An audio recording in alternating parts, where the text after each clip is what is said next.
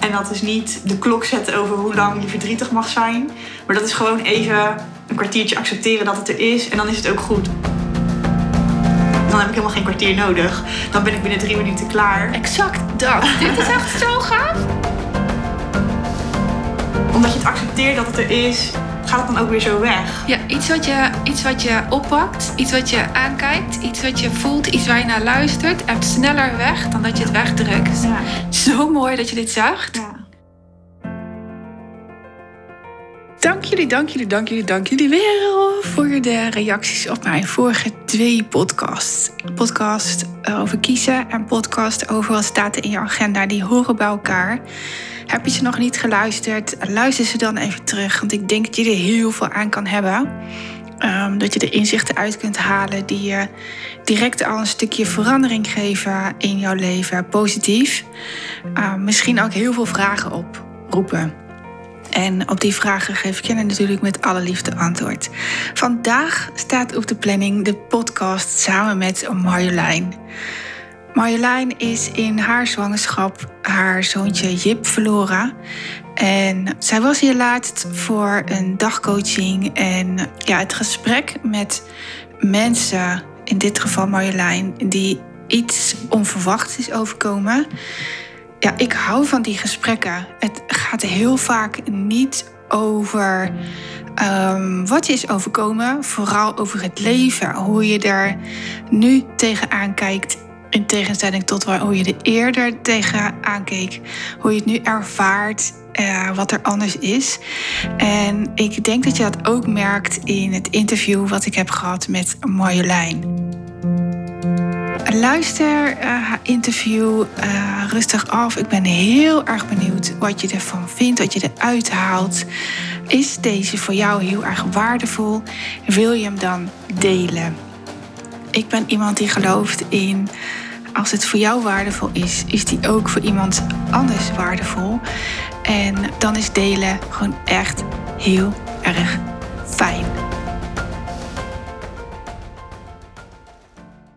Welkom Marjolein in mijn Hi. podcast. Dankjewel. Spannend. Kun jij iets over jezelf vertellen? ik ben Marjolein, ik ben 35 jaar. Ik woon in Roosendaal samen met mijn man eh, en onze drie katten. Waar we het net over hadden. Nee, flauwekul. Ehm ja, en ik ben dus vorig jaar oktober eh, de mama van Jip eh, geworden. Iets eerder dan gepland. Welke datum? 18 oktober. 18. Ja. Een herfstkindje. ja, een hersenkindje. Wauw. Ja. Nou ja, Jip is, zeg maar, ik was 28 weken zwanger. En toen ging ik gewoon op controle. En toen bleek eh, dat Jips hartje ermee gestopt was. Dus dat was best wel eh, heftig. Want je verlangt heel erg naar, eh, ja, zoals wij zeiden, begin januari. Daar kijk je naar uit. En niet eh, dat het ineens allemaal eh, stopt. Alle dromen en alle verwachtingen en eh, dingen. Dat dat ineens zo pas boom op maandagochtend over is. Dat eh, is wel life-changing inderdaad. Je, heel je leven staat op zijn kop. En dat eh, blijft ook nog even doorlopen, zeg maar. Ja, dat badboom, dat herken ik enorm. Ik had vanmorgen eh, stories gemaakt waarin ik vertelde dat ze zou komen. Dat doe ik natuurlijk niet met iedere klant, want niet iedereen vindt dat fijn. Ehm, maar Lieve Lijn op Instagram had het al gedeeld dat ze hier naartoe zou gaan. En toen zei ik al, ik herken mezelf in haar. Maar een kindje in een zwangerschap verliezen en een kindje bij leven verliezen. Ik denk en ik, ik geloof dat dat een wereld van verschil is. Ehm, maar toch merk ik dat ja, wat jij schrijft, dat herken ik zo. Ja, kun je iets vertellen over wat jou is gezegd na het overlijden? Oh, je zei trouwens vanmorgen iets heel moois tijdens de, eh, over de bevalling. Hoe, in welke energie je dat hebt gedaan. Oh ja, dat dat zeg maar. Ja.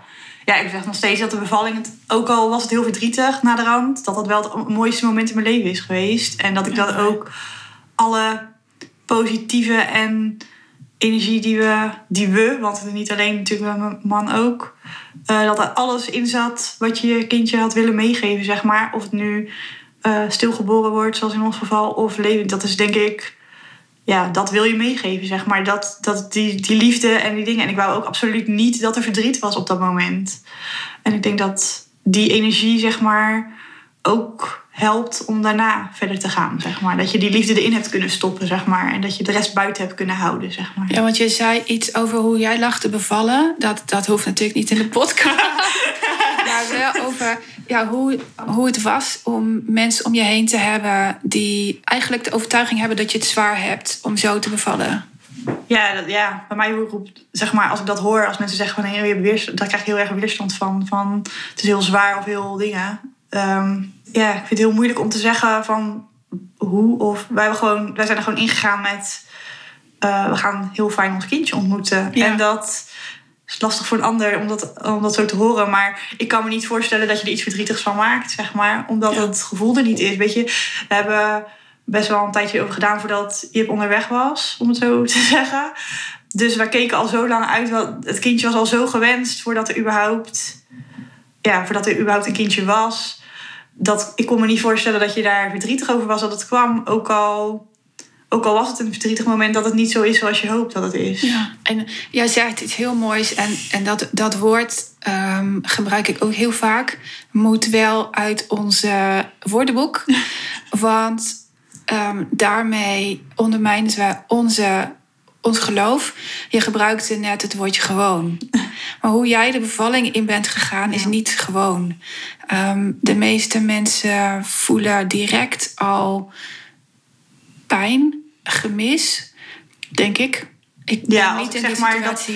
Dat, ja, dat, dat is wel wat ik heel lastig vond. Dat ik heel erg. Toen ik. ik ja, zeg maar, we kregen op maandag dus een bericht dat Jip zijn hartje gestopt was. En dan begint er een heel circus met. Want ja, je moet, je moet wel gaan bevallen. Um, en toen zeg maar, zijn we vrijdag gaan bevallen. En toen heb ik in die week natuurlijk, ja, leven Google, heel erg zitten zoeken op hoe, hoe doen anderen dat dan? Of hoe zijn anderen daarmee omgegaan? Of wat hebben. En ik kon alleen maar verhalen lezen waarin iedereen al begon met huilen en met. Um, en toen dacht ik, ja, maar dat wil ik helemaal niet. Ja. Dat, ik had heel erg het gevoel van, ja, dit, dit, nee, nee, zo gaan we het niet doen.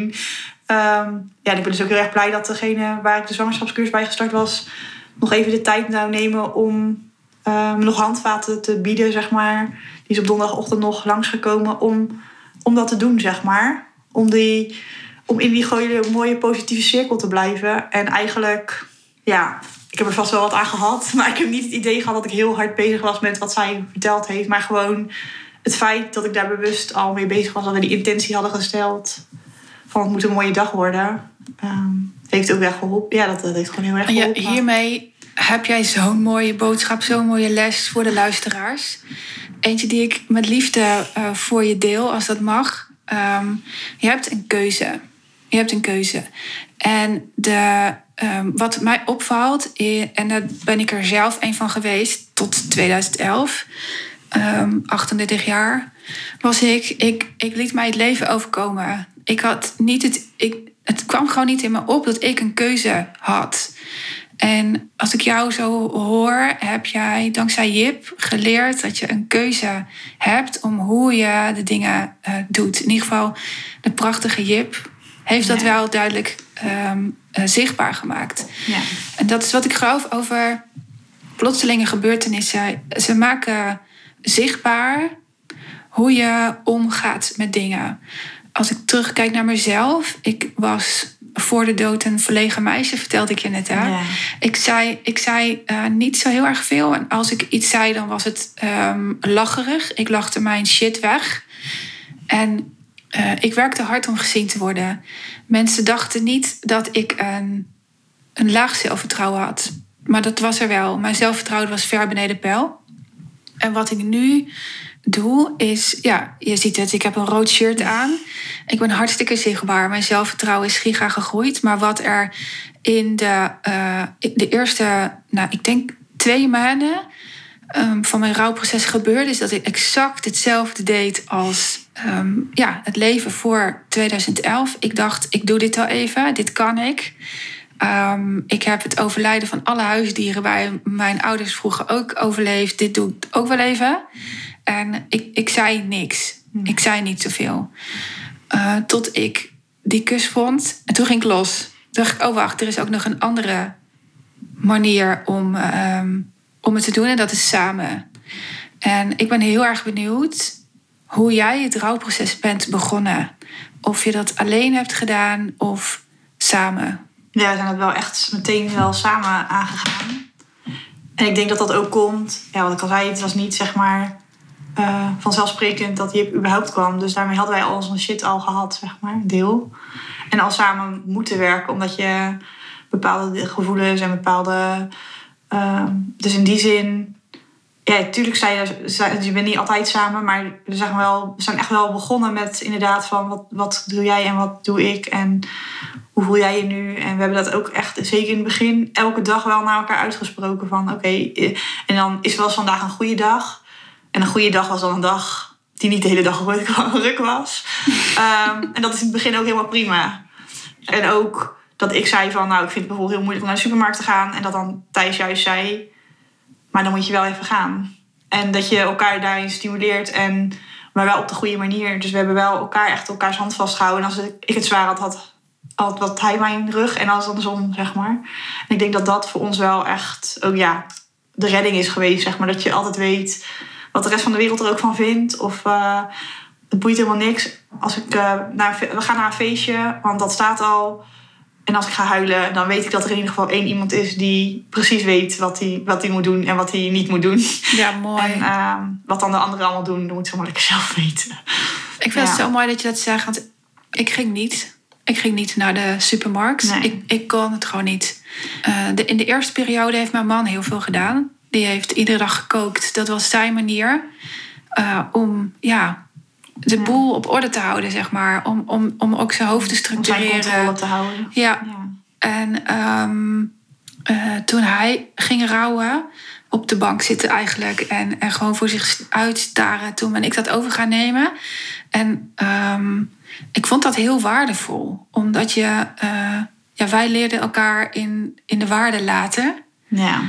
Niet eh, stressen dat het verdriet er is. En dat was vroeger wel zo. Daar hadden we best wel strijd over. Ja. En ehm, ik ben Lennart daar heel dankbaar voor. Ik weet niet of jij dat ook zo voelt. Ik ben je echt heel erg dankbaar voor alle lessen die we, die we samen geleerd hebben. Ik bedoel, ik kan met alle liefde wil ik ze allemaal weer ongedaan maken. Ja. Maar ehm, ja, ik ben er wel heel dankbaar voor dat. dat ehm, ja, ik bedoel, hoe, eh, hoe mooi is het dat je dingen leert over jezelf en dat je daar ook wat mee kan, zeg maar, in de toekomst. Dat neem je er voor altijd mee. Nou, dat, dat pakt nooit iemand meer af. En, en wat is het? Kan je één les benoemen wat je over jezelf hebt geleerd dankzij Jip? dat ik echt dat, ehm, dat ik emoties naast elkaar mag hebben. Zeg maar, ik dacht eerst altijd, oh, als je verdrietig bent, dan ben je verdrietig. Punt. En nu weet ik, als ik verdrietig ben, kan ik ook blij zijn over iets anders. En dat kan gewoon naast elkaar bestaan. En dat mag er ook allebei zijn. En vroeger had ik heel erg het, oh, het is verdrietig, dus dat gaan we proberen weg te poetsen. Bij anderen, maar ook heel zeker bij mezelf. En nu denk ik gewoon, ja, verdriet mag er zijn. Dat is gewoon onderdeel van wie ik ben. En juist omdat ik verdrietig ben, kan ik die andere dingen, die mooie dingen ook zien. En die, ja, dat het zeg maar meer een totaalplaatje is dan alleen het happy, happy kantje, zeg maar. Want dat bestaat eigenlijk niet. Ja, mooi. En, en wat zie je bij anderen wat ze doen als ze verdriet hebben? Die Ja. dit niet mee hebben gemaakt? Ehm, Ik, zie dat- bijvoorbeeld dat ze hun verdriet niet tonen. Het oh wegslikken. Dat, ja, wegslikken, wegduwen. Maar ik heb geleerd dat dat helemaal niet werkt. Dat- Want dan komt het alleen maar veel harder terug op een ander moment. Dus daar heb je helemaal niks aan. Je kan beter gewoon even er doorheen. En iets moeilijks Het gewoon. Gewoon er doorheen. Ja, gewoon, ja. Maar de- ja, het gewoon, ja, voor mij is het ook gewoon nu. Ik Ja. Het is nog, ja, het is... Voor mij ook. En toch, soms trap ik ook nog in, eh, in situaties dat ik denk... oh, hier, hier heb ik me net iets te veel door laten leiden met een IJ. Ja. Ehm, en dan voelt het ook als... ehm, ja, hoe zou ik het zeggen? Ik heb toch iets weggedrukt. Terwijl als ik er bewuster mee omga... dan kan ik enorm brullen. Gisteren bijvoorbeeld was zo'n momentje. Ik had een prachtige dag gehad. eh, eh, leuke klanten op bezoek gehad. Ehm, die hadden allemaal successen. En ja, wij zitten natuurlijk vier weken voordat Lennart jarig zou zijn. En eh, ik zie ineens een foto van hem. En eh nou, er kwamen de tranen hoor. En dacht ik, oh, ik, ik moet hier even voor gaan zitten. Want ehm, eh, dit is er ook. En ik moet dit echt even voelen. Het is er nu niet voor niks. Het komt niet voor niks op. En soms komt dat op hele Nee, dat is rare momenten. Ja, nee, vorige keer stond ik in de supermarkt en dan hoor ik een eh, klein jongetje mama brullen. En, eh, en dat, ik kan dan ook niet uitleggen waarom dat ineens een trigger is. Terwijl ik hoor 3000 miljoen keer hoor je dat en doe dit niks. En op dat moment raakt het iets. En dan sta ik bij, de, bij het groenteschap en denk, nou, nu even niet. Weet je wel, dat, natuurlijk. En dan duw je het ook wel even weg. Maar ik accepteer dan wel dat als ik later naar huis loop, dat het er dan wel mag zijn. Dat je dan even aan toegeeft. En ik zeg dan altijd, ja, ik pak even mijn kwartiertje. En dat is niet de klok zetten over hoe lang je verdrietig mag zijn. Maar dat is gewoon even een kwartiertje accepteren dat het er is. En dan is het ook goed. Omdat je juist je hebt helemaal geen kwartier, dan heb ik helemaal geen kwartier nodig. Dan ben ik binnen drie minuten klaar. Exact dat. Dit is echt zo gaaf. Dat je gewoon, omdat je het accepteert dat het er is, is het dan ook zo, gaat het dan ook weer zo weg. Ja, iets wat je, iets wat je oppakt, iets wat je aankijkt, iets wat je voelt, iets waar je naar luistert, hebt sneller weg dan dat je Ja. het wegdrukt. Ja. Zo mooi dat je dit zegt. ja. Ehm, ik weet nog, over roddel gesproken, dat wil ik toch even aanstippen. Dat ehm één jaar of twee jaar voordat Leonard overleed, overleed een fantastische collega. Ehm, zijn vrouw bleef achter. En ehm, ik weet nog dat mensen tegen mij zeiden: ehm, die vrouw die doet nu boodschappen in een hele andere stad dan, dan waar ze eerst boodschappen deed. En ik dacht: waarom is dat? Ga je dan iets uit de weg? Maar nu weet ik, of nu, eh, al een paar jaar, ehm, dat zij fantastisch voor zichzelf zorgde. Ja. Want toen ik de shop inging, eh, de Jumbo hier om de hoek, toen kreeg ik zoveel vragen, zoveel vragen. En exact op het moment dat ik er niet op stond te wachten. Ik voelde me die dag supergoed. En ik kreeg, ik kreeg vragen over Lennart. Ja, daar had ik gewoon geen zin in. En dacht oké, dit, dit kan een reden zijn waarom zij koos voor een andere stad. En ik heb toen wat producten teruggezet. Het is wel hilarisch. Ik heb wat producten teruggezet.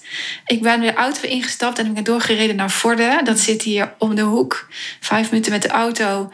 En eh, ik ben daar bij de Aldi boodschappen gaan doen. En het was goddelijk. Die rust gewoon waarin je dan je boodschappen kunt kiezen. Ik vond het zo fijn. Ik vond het echt fijn. En, en daar had ik door dat ik dus kan kiezen. Ja. Ik kan dus echt kiezen. En natuurlijk had ik dat al eerder gekozen, omdat ik op 8 augustus 2011 uitsprak. Nu gaat mijn leven op mijn manier. Wist ik veel wat mijn manier was. Daar zit ook weer een reis achter. Maar die, die ene keuze om van een winkel te veranderen, heeft zoveel met mij gedaan. Ik voelde me er zo goed om. En eh, eh, dat je gewoon in alle rust die winkel door kan lopen met je winkelwagentje, vond ik echt fijn. Pas veel later leerde ik zeggen: Goh, weet je, ik wil die vraag met liefde beantwoorden, maar niet nu. Ik voel me onwijs goed. Wil je het antwoord echt weten? Wees dan bereid om tijd voor mij te nemen en een afspraak te maken. En dan maak je onderscheid. ja, dat blijft lastig. Want ja, het is, eh, voor mij blijft dat wel lastig. Want mensen inderdaad zeggen van... Ze willen, ja, mensen proberen het op een goede manier... willen op een goede manier juist iets... Ja, ik zeg wel heel vaak daarover... Mensen komen, denken dat ze iets komen brengen... maar eigenlijk komen ze zelf iets halen. Klopt. En we hebben dan, dan thuis de mooie uitspraak van... ze mogen best iets komen brengen... maar ze mogen het ook bij de deur zetten. En dan hoef ik er niet naar te kijken als ik er geen zin in heb. Maar dat is niet altijd even makkelijk. Nee, want soms zeker niet. heb je het zelf ook helemaal niet in de gaten. Zeker op momenten dat je zelf even, ja, er even niet zo in mee bezig bent of zo. Dat je dan ineens, dan ineens eh, raakt het je als een bus, eh, kan Ja. het je raken. Klopt. Ik vertelde Marjolein net ehm, in ons gesprek dat. en dat, dat heeft een relatie met podcast 1, waarin ik zei dat ik terug zou komen waarom mensen de dingen doen en de dingen zeggen eh, die ze doen. Zoals bijvoorbeeld, nu gaan jullie zeker ook scheiden of eh, cadeautjes komen brengen. Ehm, mensen komen met hun eigen verhaal naar je toe. En dat, de meeste mensen doen het niet bewust. Doen het uit liefde. Maar wat mij is opgevallen, en ik weet niet of het jou ook opvalt, is dat ik eh, mega goed in de gesprekken zat. Eh, mij super goed voelde dat de ander aan het huilen was. En dat als ze weg waren, ik altijd dacht: wat happens hier nou weer? Ehm, en dan had ik de ander geholpen, maar mezelf niet. Ja, dat herken ik wel een beetje. Ja, dat herken ik wel. Of dat ook dat mensen heel erg geschrokken reageren. En dan denk ik, ja, oké, maar dit voor mij is het even een feit. Gewoon, weet je, bijvoorbeeld, we ja, ik heb dan nieuwe collega's de hele tijd. Beetje, we zitten echt in een overgangsfase binnen het bedrijf. En nu in coronatijd levert dat soms wel hele rare situaties op. Want ik had bijvoorbeeld van de week een gesprek met een collega die dan ja, een maand bij ons werk. Maar die had ik zelf nog niet één op één gesproken. Want wij werken niet direct samen, maar we zitten wel in hetzelfde overleg. En toen vroeg hij naar mijn zwangerschap. En toen, ehm, ja, toen zei, zei hij, ja, is het eerste? En dan zeg ik automatisch nee. Want nee, het is niet mijn eerste kindje, het is mijn tweede kindje. En dan eh, zegt hij, oh, maar dan weet je al hoe het is. En bla, bla, bla. Toen zei ik, ja, nee, ook niet. En dan uh, als hij dan zegt, ja, nee, we hebben een kindje wat stilgeboren is. Voor mij is dat een, tegenwoordig gewoon een feit. En dat is niet meer iets om heel zwaar over te doen of heel... Het is een feit dat je er niet is. En ja, dat, je kan, op het ene moment is dat heel verdrietig. En op het andere moment is het een feit. En op zo'n moment zit ik helemaal niet in de dingen. Dus het is een feit. En dan merk je dat hij inderdaad, oh jeetje, wat erg en wat vreselijk. Ja, het is helemaal niet erg of vreselijk. Het is gewoon een feit. Punt. Nu is het een feit. Punt. En dat oh, heeft niks te maken met wegduwen of het is gewoon omdat je op dat moment daar gewoon. Het is gewoon een onderdeel van mijn leven geworden. Net als dat het een onderdeel is of je sport of dat het een onderdeel is dat je gaat eten en je tanden poetst. Het is gewoon een voldomme feit. Punt. De, um, Marjolein en ik zijn continu uit balans. En ik, ik, ik kan het uitleggen. Stel je voor dat um, zij en ik allebei gaan verhuizen. Dan komen wij in een stad waar niemand ons kent. En um, als we dan uit gaan leggen wat ons is overkomen, vindt iedereen dat erg. En wij zijn al een stuk verder. En ik, ik, ik heb echt bijzonder veel respect voor je, Marjolein. Dat zeg ik te weinig op Instagram. Maar je bent echt ver. Je bent heel ver in jouw rouw, rouwproces. Dat had je zelf niet door, maar bij deze. Uh, en iedereen doet het natuurlijk op zijn eigen tempo.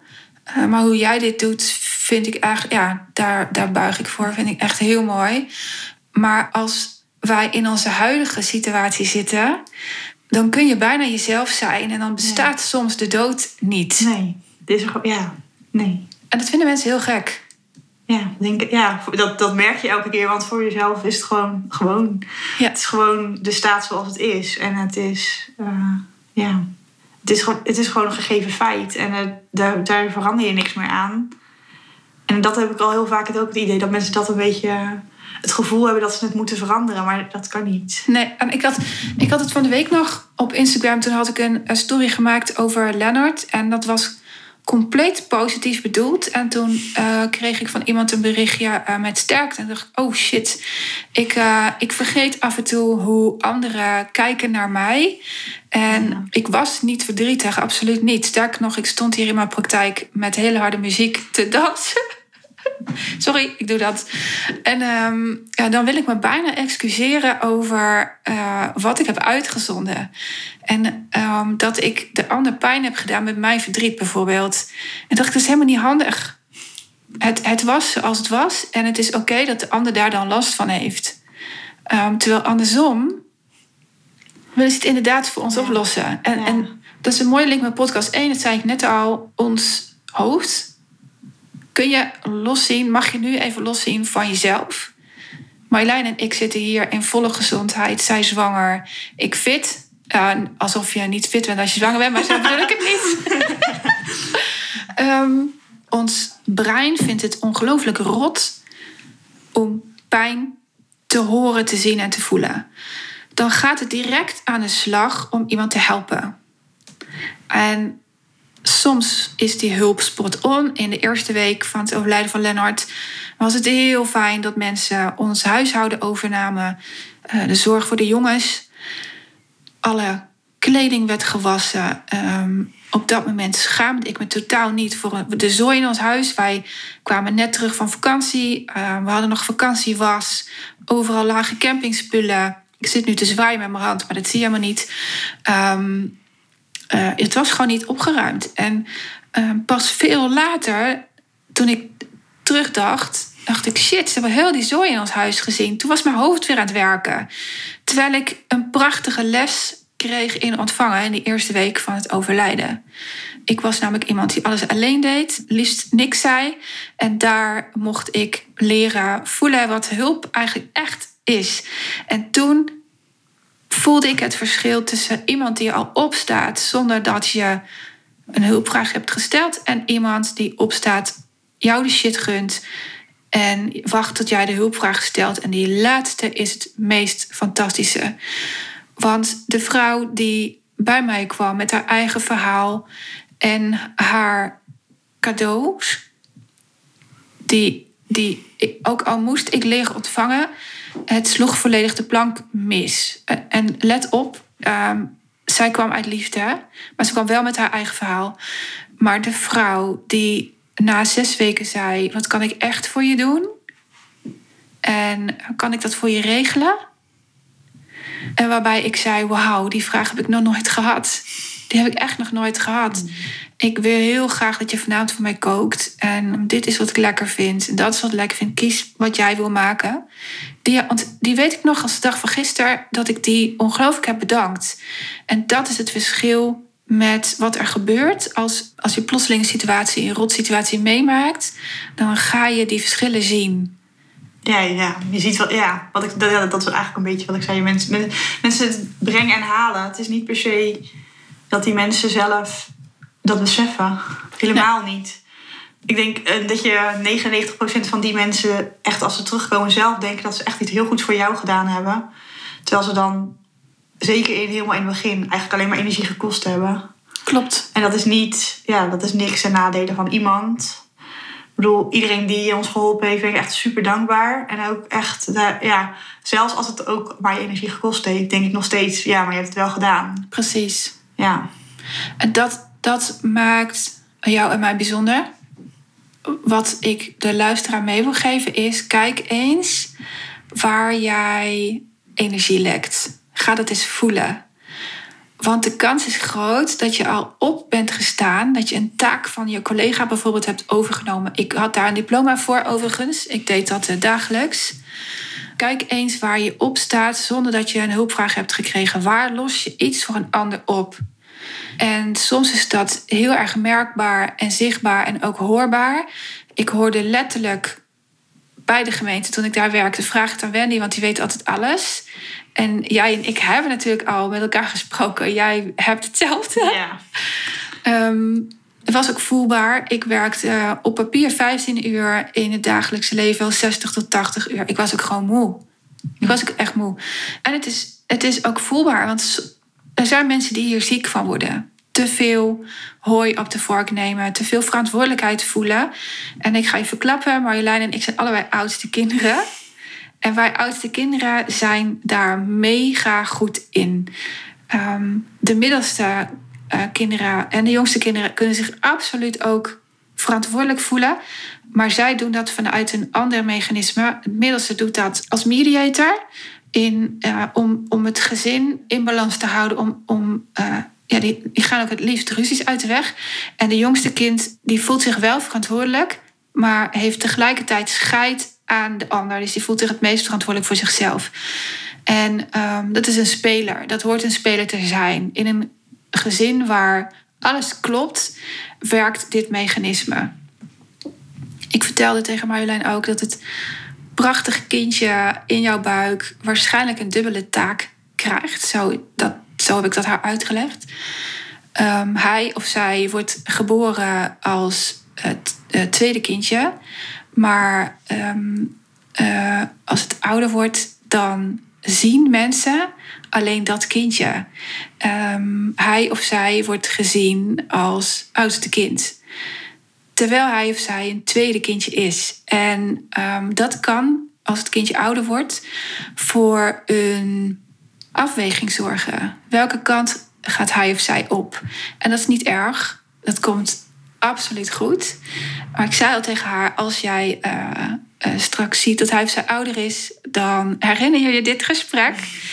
Ehm, David bij ons bijvoorbeeld is de middelste, maar is heel lang tweede kind geweest. En dus de jongste. Tussen David en Lennart zit ehm, zes jaar. Moest even nadenken. zit zes jaar. En ehm, hij is een speler. Hij is echt een speler. Daar irriteer, irriteer ik me af en toe enorm aan. Hij is gewoon stond eigenwijs. Hij doet zijn ding. Hij, hij eh, gaat zijn gang. En tegelijkertijd mag ik daar natuurlijk naar luisteren. Mag ik er naar kijken. En ik, oh Wen, waar pas jij je nou weer aan? Zit nou je eigen, ga nou je eigen ding doen. Ehm, maar hij is ook de middelste. Hij kan ook fantastisch mediaten. En toen uh, Lennart overleed, was hij degene die ehm, voor papa en mama een kopjes koffie in ging doen. Um, want dan voelen we ons goed. Ja. Omdat pijn vinden we moeilijk om te zien. Dus als mama huilt, moet ze koffie. Die koppeling had ze gelegd. Heeft hij wel gelijk in, want ik, ik, ik ben echt verslaafd aan koffie. maar wat niet hoeft, is dat hij het doet. En ehm, jouw zoontje of dochtertje eh, gaat ergens ook dit soort gedrag vertonen. En ja, het past. Het past gewoon bij dit kindje. Gewoon, is niet gewoon. Kijk, weet je, gaan we weer. Ja, Ehm, ja. Jij en ik mogen onze kinderen dan. Het is een systemische uitspraak. Ontslaan van hun rol om te zoeken. Om voor twee te leven. Je mag jezelf zijn. Je mag jezelf zijn. Dus ik zei tegen David, eh, want ik ga het natuurlijk wel weer praktisch voor je vertalen. Ehm, goed, David, ik vind het ongelooflijk lief dat jij dit doet. Maar ik zie ook dat je enorm je best moet doen hiervoor. En ik weet ook waarom. Want weet je, lief schat, je bent zes. En als je zes bent, hoor je gewoon lekker te spelen. Ik ben het gelukkigst als jij gewoon lekker met je vriendjes afspeelt. Als we koekjes bakken samen. Als we leuke dingen doen. Gewoon, weet je, en, en verdriet mag absoluut zijn. Maar het hoeft niet 24 uur per dag. En dat heeft alles veranderd bij hem. Vanaf dat moment ging hij weer stralen. Wist ik veel dat ik hem ontsloeg uit zijn rol. Dat leerde ik veel later pas. Ik was onbewust bekwaam. Maar er is iets wat we elkaar net hebben verteld... en wat ik ehm, met de luisteraar wil delen. Wat rouw eigenlijk is. Wat geloof jij dat mensen denken dat rouw is? ja, dat het afwachten tot het over is, even heel gechargeerd gezegd. Ja, denk op de ik ook. bank ergens heel erg ergens in een hoekje zitten huilen totdat je je beter voelt. Ja, dat denk ik ook. Dat is ook tegen mij gezegd. Nu is je leven over, nu, nu huil je 24 uur per dag. Maar wat is het echt?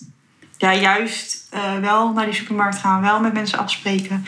Juist al die, moeilijk, die moeilijke dingen, al die confrontaties die erbij komen aangaan. Ja, dat denk ik ook. High dat zijn five. degenen die pijn dat, Dat, zijn de mag dingen nu die niet, pijn maar dat zijn de dingen die pijn doen, die, die moeite kosten. En als je. Ik denk dat heel veel mensen ook denken dat rouw vooral is om er overal omheen te gaan, om het even om het uit de weg te gaan. Maar voor mij is je rouw juist dat opzoeken en denken: oké, ja, oké, dat was niet zo leuk, of ja, het was wel leuk, of zo, dit was even pittig. En dan te denken: oké, dus ik kan dit. Oké, dan volgende keer gaat het beter, of juist niet.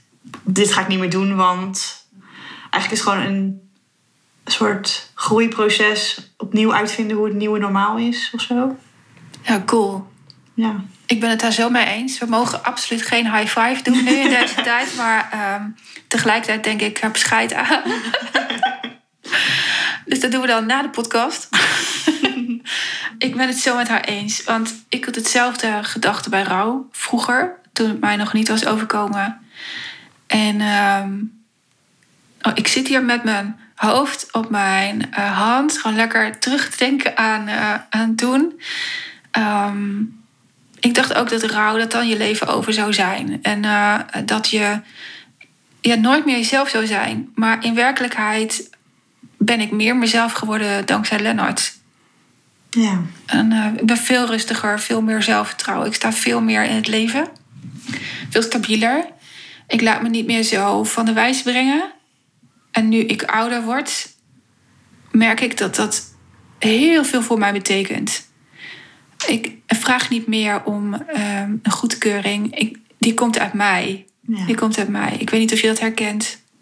Sommige momenten wel, sommige momenten zoek ik nog wel heel erg naar die. Ja. Maar Ja. dat, is- dat is denk ik ook gewoon, wat ik zeg, groeiproces. Rouw is ook gewoon groeien. Ik ben nog lang niet uitgegroeid. Ik denk ook niet dat het kan. nee, dat denk ik ook niet. Ik denk als jij en ik klaar zijn dat het tijd is om te overlijden. Ja, dan wordt het heel saai ook. Ja.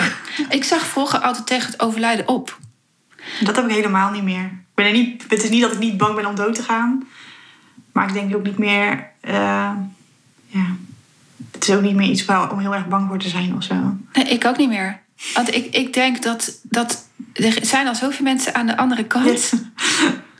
Dat ik denk dat het daar heel gezond En daar heb ik altijd wel een beetje moeite mee. Ik weet, niet, ik weet nog steeds niet zo goed. Dat is waar ik heel erg mee... Een van de dingen waar ik wel echt heel erg mee geworsteld heb.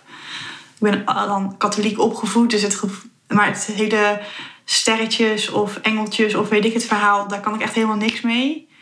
Dus dat vind ik heel... Wat bedoel je met sterretjes en Ja, engeltjes? dat, dat mensen dan zeggen, oh, je kindje is een sterretje geworden. Oh, ik ook niet. Nee, ja, ik heb wel... wij- voor ons is Jip wel... Het ster is wel een symbool geworden. Maar dat heeft meer Ja. te maken met dat eh, vrienden van ons ons een cadeau hebben gegeven. Dat er gewoon echt letterlijk een ster naar Jip vernoemd is. Wauw. Dus dat is echt een heel tof cadeau. Dus wat in, mooi. eh, in deze tijd van het jaar kan ik hem zien. Want hij staat in zijn sterrenbeeld. Wauw.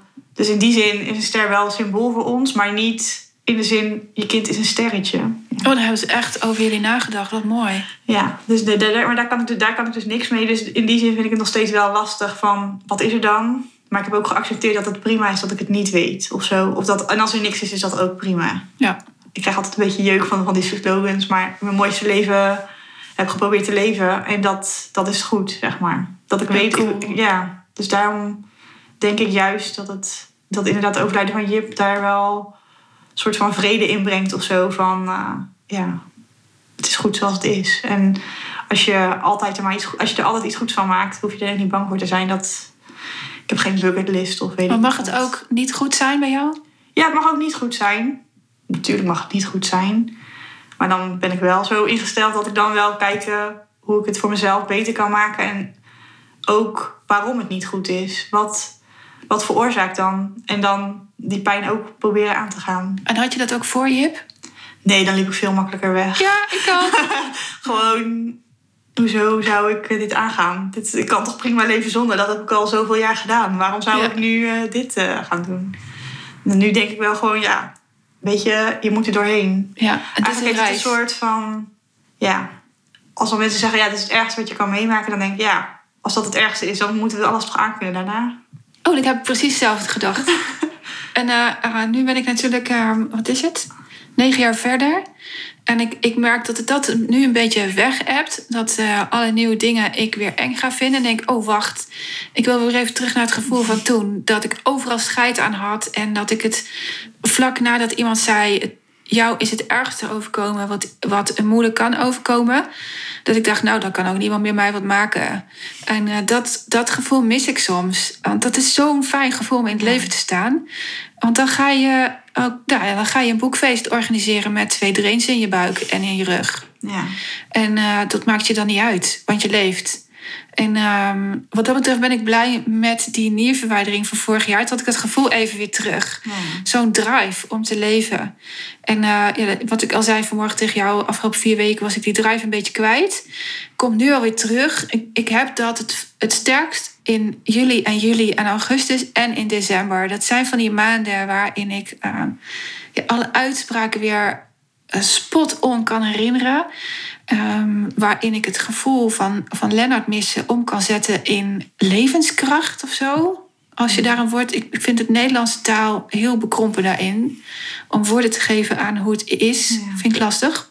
Ehm, de grap is dat mensen wel vinden dat ik er goed in ben. Maar dat mooi bruggetje naar hoe ze toen tegen mij zeiden: Je doet het zo goed. Oh, daar, krijg ik ook, daar krijg ik ook echt jeuk van. Want ik dacht altijd, ja, volgens mij kan je niet fout rouwen. Dus hoe, Nee. hoe, hoe doe ik het goed dan? Ja, Als ze dan zeggen, je bent zo sterk, dan denk ik, Ja. ja, je moet. Je, ja, je hebt geen keuze. Het is niet dat je, ja, je kan in een hoekje gaan liggen huilen, maar ben je dan minder sterk? Nou, dat denk ik ook niet, want je ligt Nee. elke, het elke dag een soort van aan te gaan. Precies. Op een En- andere manier, maar Ik wist ook niet wat goed was. Ik weet nog steeds niet of wij het goed hebben gedaan. Ik heb nu natuurlijk pubers. En voor hetzelfde geld hebben zij enorm last van missen en, en stappen ze de drugshandel in. Dat zou kunnen.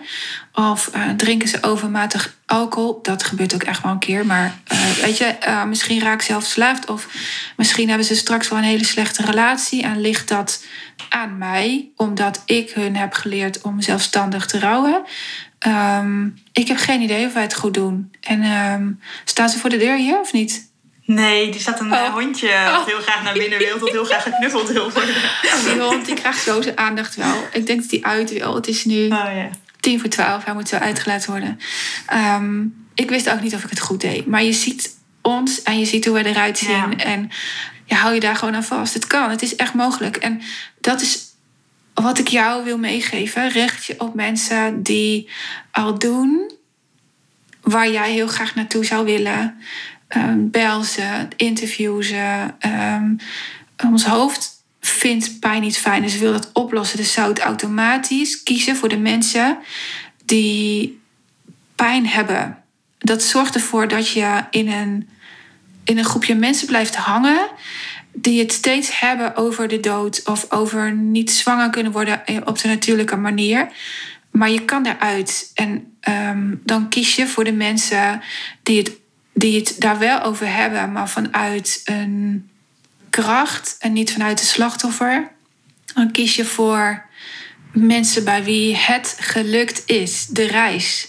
Die de reis als heel mooi hebben ervaren. Niet per se als alleen maar zwaar, maar ook als mooi. Uh, ik nog, in 2017 werd ik geopereerd. Toen moest mijn baarmoeder eruit. En het enige wat op mij afkwam, um, waren verhalen van mislukte operaties.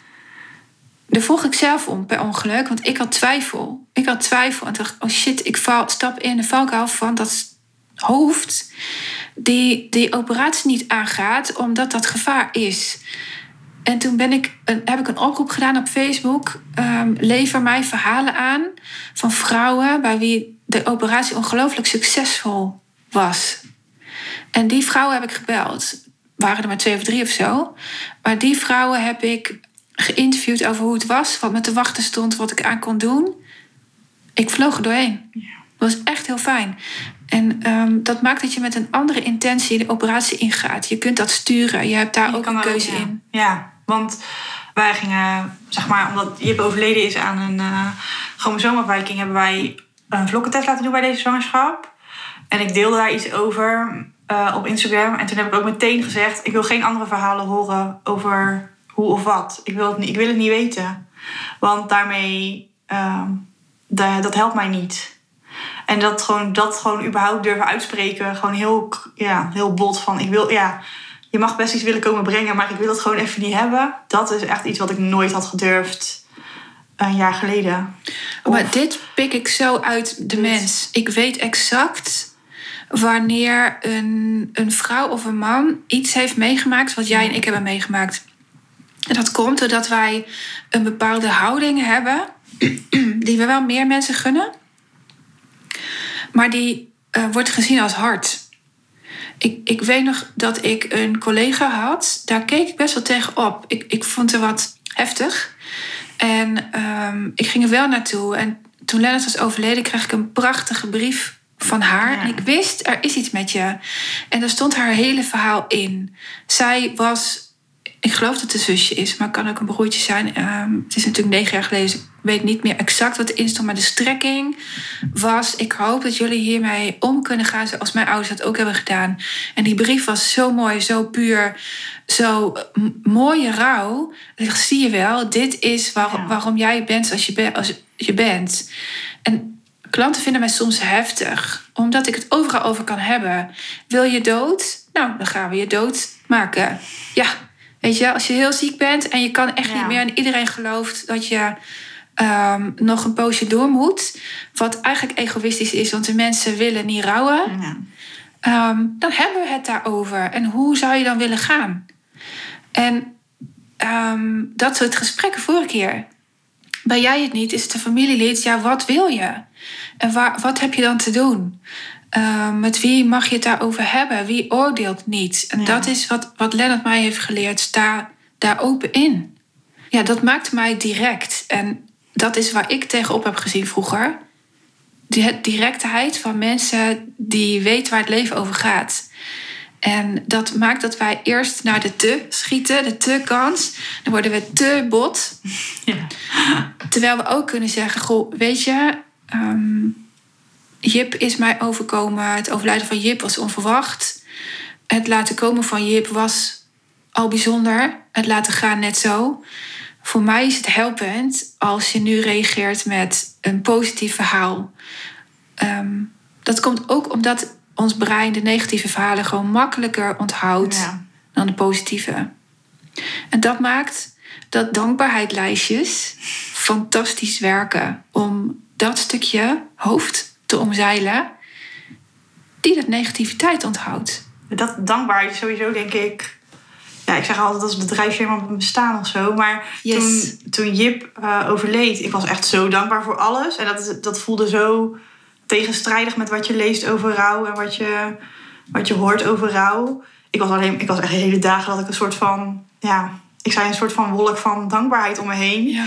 En dat ik echt alleen maar dacht, wauw, dat mensen doen dit voor ons, mensen doen dat. Waarom doet iedereen dit voor ons? Ook mensen die je echt uit hoeken waarvan je denkt van, waarom? Ja, en dat is een mooie les om, te, om inderdaad te ontvangen. Maar het is ook dat je echt daarmee, dat, dat daar heb ik echt, ja, nou ja, gemist of zo. Na een tijdje, dan zakt dat wel weg.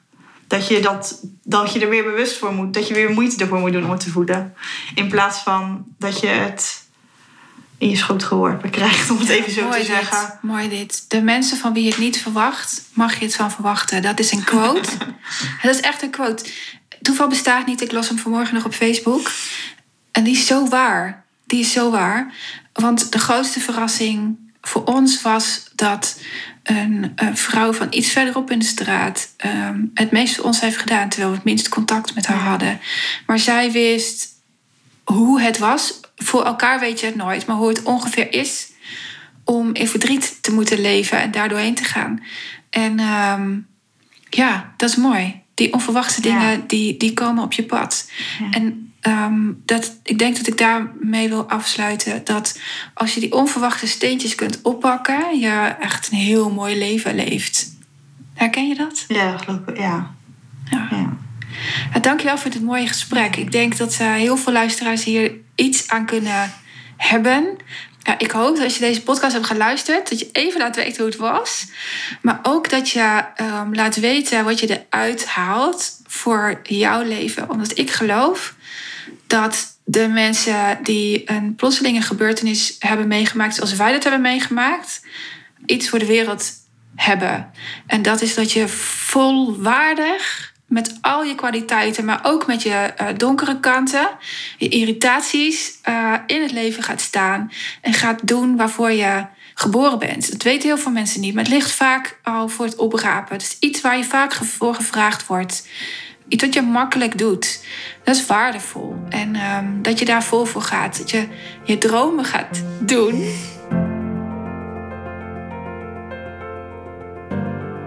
Dankjewel Marjolein dat je hier was. Dat je eh, vertrouwen in mij had om je te laten coachen door mij. Ook al was het maar één dag. Ik heb onwijs van onze samenwerking genoten. En vooral ook van je verhaal. En voor mij heeft jouw verhaal zoveel herkenning. Omdat ik exact hetzelfde eh, dacht toen eh Lennart overleed. Daarin eh, zie ik mezelf terug in jou. Dus dank je wel daarvoor.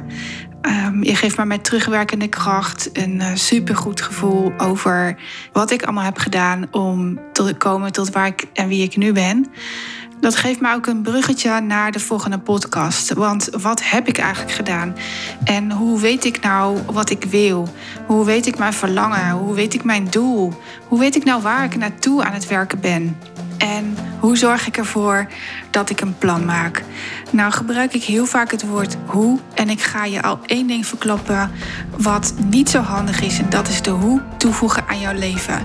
Want de hoe zorgt ervoor dat jij in een neerwaartse spiraal terechtkomt. Omdat het eh, vaak niet te beantwoorden is hoe je iets moet doen.